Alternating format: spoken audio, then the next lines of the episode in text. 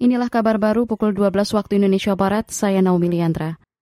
Komisi Pemberantasan Korupsi KPK akan memeriksa Wakil Menteri Hukum dan HAM, Wamenkumham, Edward Omar Syarif Hiarich atau Edi Hiarich hari ini. KPK telah mengirim surat pemanggilan selasa pekan lalu. Direktur Penyidikan KPK Asep Guntur Rahayu mengatakan Edi dipanggil untuk diperiksa saksi kasus dugaan suap dan gratifikasi. Hingga pukul 10 waktu Indonesia Barat, Wakil Menteri Hukum dan Hak Asasi Manusia Wamenkumham Edi Yarich belum hadir di gedung KPK Merah Putih. Pada pemeriksaan ini, penjagaan dari aparat kepolisian cukup ketat. Sebelumnya, Edi Yarich telah ditetapkan KPK sebagai tersangka kasus dugaan penerimaan suap dan gratifikasi. Tim pencarian dan pertolongan SAR akan mengevakuasi secara estafet 28 orang pendaki yang menjadi korban erupsi Gunung Merapi di Sumatera Barat. Gunung itu meletus minggu kemarin. Saat kejadian terdapat 70 orang pendaki di sana. Dari jumlah itu, tujuh orang telah dievakuasi dari jalur pendakian proklamator Negarai Batu Palano Agam, Sumatera Barat, Senin dini hari tadi. Belum ada laporan korban jiwa maupun kerugian material. BPBD telah membagikan masker kepada warga terdampak. Badan Pangan Nasional Bapanas mengklaim bantuan beras pemerintah efektif menekan inflasi harga komoditas tersebut – Menurut pelaksana tugas PLT Sekretaris Utama Bapanas Sarwo Edi, usai kebijakan bantuan beras, inflasi beras bergerak fluktuatif dan menurun di November.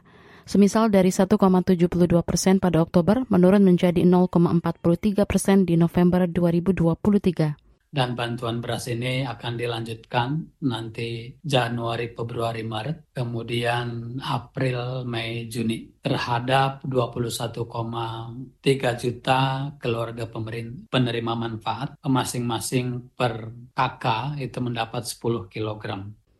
PLT Sestama Bapanas Sarwa Edi menambahkan, secara angka tingkat inflasi nasional tahunan atau year on year sebesar 2,86 persen. Komoditas dengan andil inflasi terbesar ialah beras, yakni 0,58 persen year on year. Pantauan KBR dari situs harga pangan Bank Indonesia, harga beras termurah saat ini di Provinsi Sulawesi Selatan, yakni Rp12.900 per kilogram. Termahal di Kalimantan Tengah hampir Rp19.000 per kilogram. Pemerintah Jawa Barat menyediakan 16 tiket gratis angkutan antar moda Bandara Internasional Jawa Barat BIJB Kertajati. Kegiatan ini dimulai 1 Desember hingga 30 Desember. Menurut penjabat PJ Gubernur Jawa Barat B. Mahmudin, penyediaan tiket gratis untuk meningkatkan minat masyarakat menggunakan BIJB Kertajati. Dari Bandung beberapa titik dari uh, dari Sudirman, Cirebon juga ada Cirebon, Subang di Bandung juga ada di Cirebon kamu ya. Untuk untuk untuk Damri, kan juga ada bukan yang swasta juga ada. BI mengatakan tiket gratis tersebut untuk antar moda dari pemerintah seperti Damri dan juga pihak swasta seperti PT MS Trans. Tiket gratis tidak hanya untuk penumpang pesawat dari Kertajati, tetapi juga masyarakat umum yang ingin ke BIJB Kertajati. Tujuannya untuk mempromosikan sekaligus mendekatkan BIJB Kertajati dengan masyarakat. Demikian kabar baru dari KBR, saya Naomi Liandra.